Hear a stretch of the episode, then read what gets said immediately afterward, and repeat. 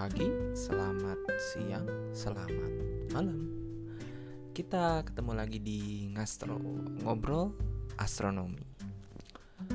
Uh, tema kita kali ini, uh, sekarang saya mau sedikit cerita kali ya tentang saya. Sesuai uh, apa ya judulnya, sejarawan jadi astronom. ya mau bahas apa pun selama bersinggungan sama astronomi gak masalah kan ya nggak sebenarnya gini sih. Saya ngangkat tema uh, kali ini karena uh, saya hanya ingin apa ya menggambarkan bahwa astronom amatir itu bisa muncul dari berbagai macam background salah satunya saya. Karena uh, kenapa saya tulis di situ sejarawan jadi astronom? Uh, karena saya saya juga sendiri dulu itu saya kuliah di jurusan ilmu sejarah. Jadi ketika saya lulus, basically sebenarnya saya sudah bisa dibilang sebagai astronom. Eh, eh sorry, sejarawan. Duh, kebiasaan yang merada belibet. ya, uh, ketika saya lulus, saya dikenal sebagai sejarawan. Bisa dibilang, sorry, bisa dibilang sebagai sejarawan karena gini saya sudah menyelesaikan apa ya studi uh, dan bisa dibilang punya punya ilmunya gitu untuk melakukan riset kesejarahan gitu. Nah, tapi uh, sampai sekarang justru saya lebih banyak ngulik hal-hal yang berbau astronomi justru. uh, saya saya cerita dari awal dulu kali ya. Jadi sebenarnya uh, dari kecil itu saya udah suka ngamat atau melihat langit malam meskipun itu berawal dari ketidaksengajaan ya dulu zaman zaman SMP awal-awal gitu ya kelas 1 gitu uh, atau SD akhir ya saya lupa. Di rumah saya itu ada lotek. Dan saya tuh suka uh, ngelihat langit malam gitu. Cuman ketika itu saya belum belum apa ya belum ada kepikiran untuk mendalami gitu. Astronomi itu seperti apa gitu. Saya hanya sebatas suka ngelihat langit malam gitu. dan ketika SMA sempat ada apa ya muncul keinginan untuk bergabung ke komunitas astronomi tapi ketika itu nggak nemu ya sama sekali. Mungkin nanti saya akan cerita sedikit tentang keresahan saya akan komunitas ya komunitas astronomi. Nah uh, long story short ketika kuliah saya ketemu dengan teman saya yang suka banget sama astronomi dan apa ya kayak dia tuh kayak dalam tanda kutip ngeracunin saya gitu. Dan akhirnya saya jadi tahu ada istilah Bima Sakti uh, penampakan planet seperti apa uh, rasi bintang seperti apa gitu. Uh, macam-macam lah gitu. Dan kebetulan teman saya juga punya teleskop. Jadi kita sempat uh, ngamat gitu di arboretum ya di taman uh, kampus gitu di samping danau. Ngamat apa? Bulan waktu itu kalau nggak salah. Dari situ muncul nih uh, apa ya? Uh, kayaknya perasaan suka sama astronominya makin tinggi tuh dari situ gitu. Nah akhirnya ketika KKN waktu itu saya KKN di sebuah daerah di perbatasan Pangandaran dan Ciamis ya. Dan di samping rumah pemondokan saya KKN dulu itu ada lapangan. Dan ketika makan malam saya itu suka melipir sendiri ke sana. Melipir sendiri ngamat langit gitu. Motret gitu kan emang saya suka suka motret juga ya, motret e, bintang motret sih sebenarnya gitu. Nah lama kelamaan ada teman saya gabung nih teman saya yang lain ada Tias gabung. Terus ada Adit juga gabung.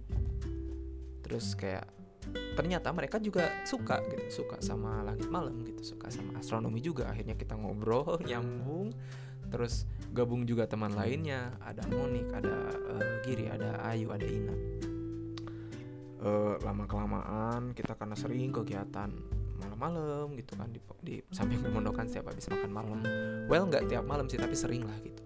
Nah kelar dari situ uh, kayak akhirnya kita memutuskan buat bentar saya, saya rada-rada lupa sih ini. Uh, keputusan untuk membuat komunitas astronomi itu ketika pas KKN atau ketika udah selesai saya lupa. Cuman intinya pembentukannya itu nggak lama setelah KKN selesai akhirnya kita kumpul bareng. Kayaknya kita perlu nih wadah eh, kita membentuk wadah untuk orang-orang yang suka sama langit malam atau mau belajar soal astronomi gitu. Karena waktu itu di kampus saya belum ada komunitas yang berfokus di bidang itu gitu. Akhirnya kita membentuk di situ terlepas dengan berbagai macam background yang macam-macam. Bisa dibilang nggak ada yang background science uh, waktu itu ya para pendiri si komunitas ini. Uh, saya dari sejarah teman saya dari bahasa Inggris ada yang dari ilmu komunikasi bahkan ada dari kesejahteraan sosial pokoknya macam-macam lah gitu. Nggak ada sama sekali orang yang memiliki background di bidang fisika gitu atau astronomi gitu. Jadi emang pure kita karena hobi dan emang kita mau belajar gitu. Akhirnya kita membentuk itu dan ternyata antusiasme mahasiswa ya mahasiswa di kampus saya cukup besar gitu uh, banyak banget gitu yang penasaran gitu karena uh, saya sering minjem teleskop teman saya ini terus akhirnya kita gelar di jalan apa ya kalau kalau teman-teman dari Unpad itu pasti tahu Brooklyn nah kita jadi Brooklyn itu semacam gerbang depan kampus gitu. Nah kita selalu nongkrong di situ sambil gelar teleskop dan banyak yang penasaran gitu nyamperin kayak kak ini apa ya gitu terus segala macam. Akhirnya anggota juga cukup banyak waktu itu. Uh, terus akhirnya ya berjalan lah gitu. Kita dari situ sebenarnya saya juga sambil belajar ya. Tapi karena otomatis kan ketika kita sharing atau apa harus ada orang yang bisa sharing gitu loh. Yang ngasih ilmu di situ jadi akhirnya saya dan teman-teman lain juga otodidak gitu. Baca-baca soal astronomi segala macam gitu. Jadi untuk bahan kajian ke teman-teman ketika kumpul gitu. Kita biasanya kumpul dua minggu sekali selain itu juga kita pergi ke daerah-daerah yang bersih dari polusi cahaya gitu. Dan e, meskipun ketika KKN e, eh, bisa dibilang itu daerah ya tapi karena emang itu merupakan daerah padat penduduk ya jadi polusi cahayanya juga cukup tinggi sih lumayan meskipun nggak segede di kota Bandung ya. Nah ketika bersama teman-teman komunitas saya ini eh, Kapela ya namanya komunitas pendongak langit kita pergi ke suatu daerah di Pangalengan. Itu pertama kalinya tuh saya pergi ke daerah yang emang diniatin gitu ingin uh, mengamati langit gitu ya sekaligus hunting foto gitu. Dan di situ pertama kalinya saya lihat langit yang benar-benar bersih banget. Bersih banget dari polusi dan itu tuh bintang itu berhamburan yang benar-benar wah benar-benar unforgettable itu benar-benar breathtaking experience ya. Dan di situ tuh jadi semakin apa ya makin kecanduan gitu loh sama astronomi gitu kayak wah gila ya gitu. Ternyata ada pemandangan seindah ini gitu loh. Di di apa karena berdasarkan data itu kalau nggak salah yang saya baca hampir berapa persen ya? Aduh maaf nih. Maaf kalau saya salah ya. Tapi kalau nggak salah itu sekitar 50% masyarakat di era sekarang itu belum pernah melihat uh, pemandangan langit yang benar-benar bersih banget dari polusi cahaya. Jadi karena seiring berkembangan zaman ya tentu saja di kota kan nggak mungkin melihat hal, hal kayak gitu gitu. Saya aja harus melakukan perjalanan sekitar uh, dua jam kali ya kalau nggak salah. Sekitar segitulah. Nah dari situ tuh teman-teman yang lain semakin semangat juga gitu karena wah gila uh, kita harus uh, menyebarkan dalam tanda kutip virus ini gitu ya ke teman-teman yang lain. Akhirnya uh, kita sering ngadain kegiatan kita main ke observatorium Bosca kita uh, bahkan waktu itu kita sampai di titik di mana kita diajak kerjasama oleh himpunan astronom eh sorry himpunan astronomi ITB Himastron. Waktu itu ada momen gerhana matahari uh, kita diajak bersama komunitas lainnya ada uh, Astropil. Astropil itu dia uh, komunitas astronomi yang uh, anggotanya anggotanya itu terdiri dari anak-anak SMA di Kota Bandung. Dan ada juga Cakrawala. Cakrawala itu unit kegiatan mahasiswa bisa dibilang ya uh, yang bergerak di bidang uh, keantariksaan juga uh, yang basisnya itu di UPI di anak teman-teman dari jurusan fisika UPI jadi uh, akhirnya kita ngadain kegiatan bareng. Uh, di situ juga um, apa ya merupakan langkah awal komunikasi kita ya. E, karena emang bisa dibilang salah satu kendala saya bersama teman-teman menjalankan komunitas itu tuh kita tidak memiliki tenaga ahli bisa dibilang ya. Orang yang bisa bantu memberikan materi gitu di situ meskipun waktu itu sempat ada uh, anak dari jurusan fisika yang gabung sama kita uh, dan suka astronomi juga tapi dianya juga nggak terlalu aktif gitu. Jadi ya kita sempat kesulitan di situ gitu. Selain uh, apa ya beberapa dari kita juga emang baru gitu terjun. Bahkan saya sendiri bingung ketika membentuk komunitas astronomi itu biasanya komunitas astronomi itu kegiatannya ngapain gitu uh, struktur organisasinya apa struktur organisasinya seperti apa gitu. Kita kita bingung gitu kayak tapi ya modal nekat gaspol aja gitu hajar akhirnya kita bentuk. Dan alhamdulillah sempat berjalan ya beberapa tahun meskipun harus pada akhirnya harus vakum juga. Uh, dan apa ya dan senang aja sih sebenarnya mengulik hal-hal berbau astronomi. Sampai ke titik di mana ketika saya mengerjakan tugas akhir juga karena saya emang merasa minat saya di astronomi dan kebetulan e, bisa dibilang ilmu sejarah itu adalah ilmu yang multidimensional. Jadi kita bisa melakukan pendekatan dengan berbagai macam ilmu. Tidak harus dari ilmu sosial bahkan ilmu astronomi sekalipun kan dan banyak juga kayak beberapa teman tuh sempat nanya kayak am uh, lu ngambil pendekatan apa gitu buat skripsi? Gue ngambil pendekatan ilmu astronomi. Hah, emang bisa ya? Ya buktinya saya lulus.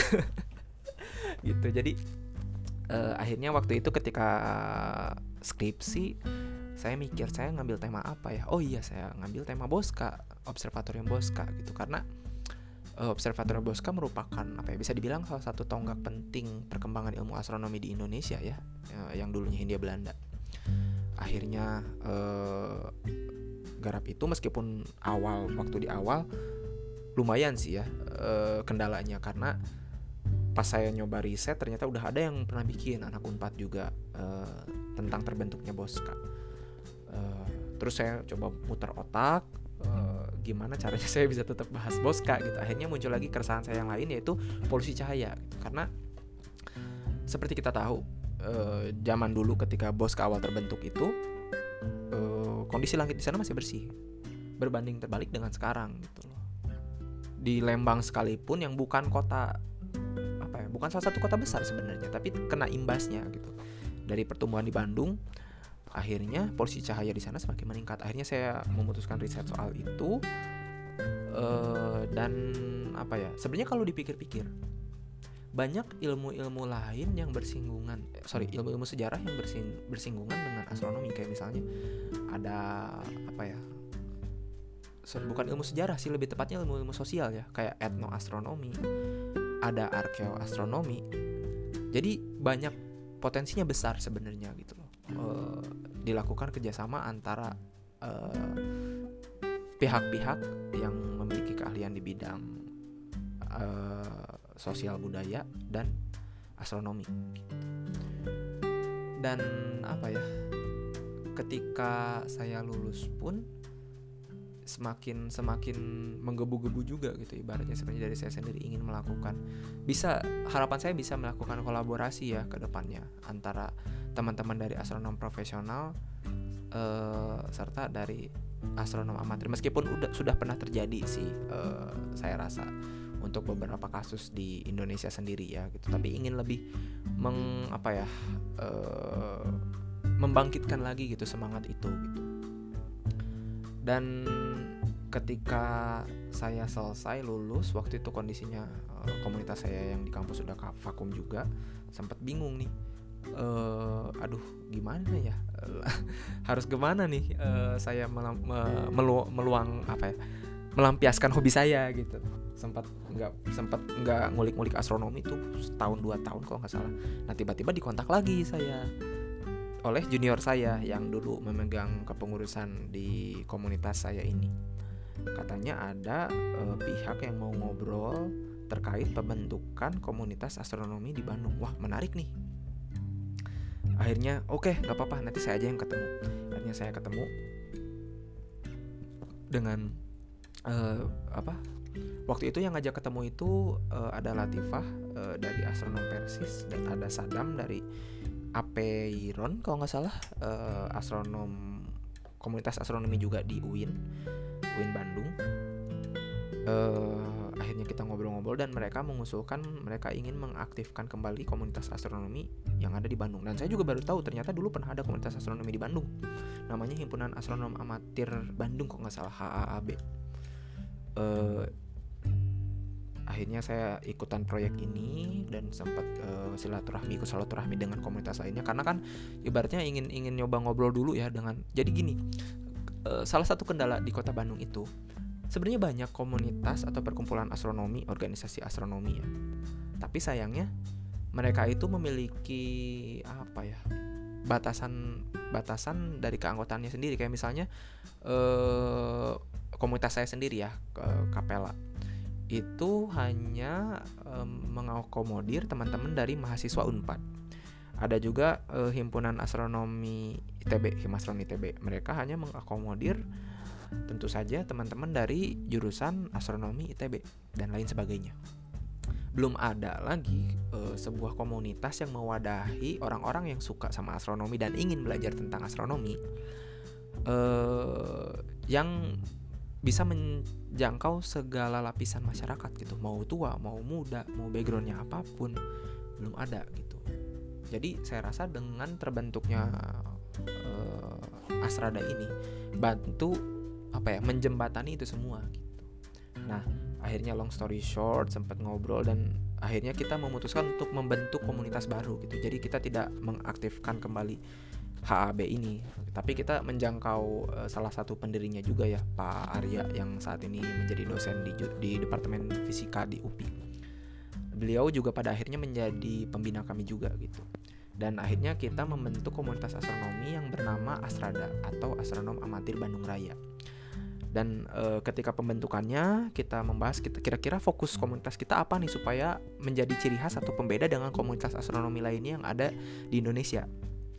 Nah, berhubung saya berangkat dari saya yang anak sejarah dan melihat e, apa ya keresahan-keresahan yang ada terkait e, astronomi yang ada di Bandung, ini saya mengusulkan e, bagaimana salah satu fokus kita adalah menjaga eksistensi observatorium Bosca Eh, sebagai landmark astronomi di Indonesia karena seperti kita tahu sekarang tengah dibangun observatorium baru di Kupang.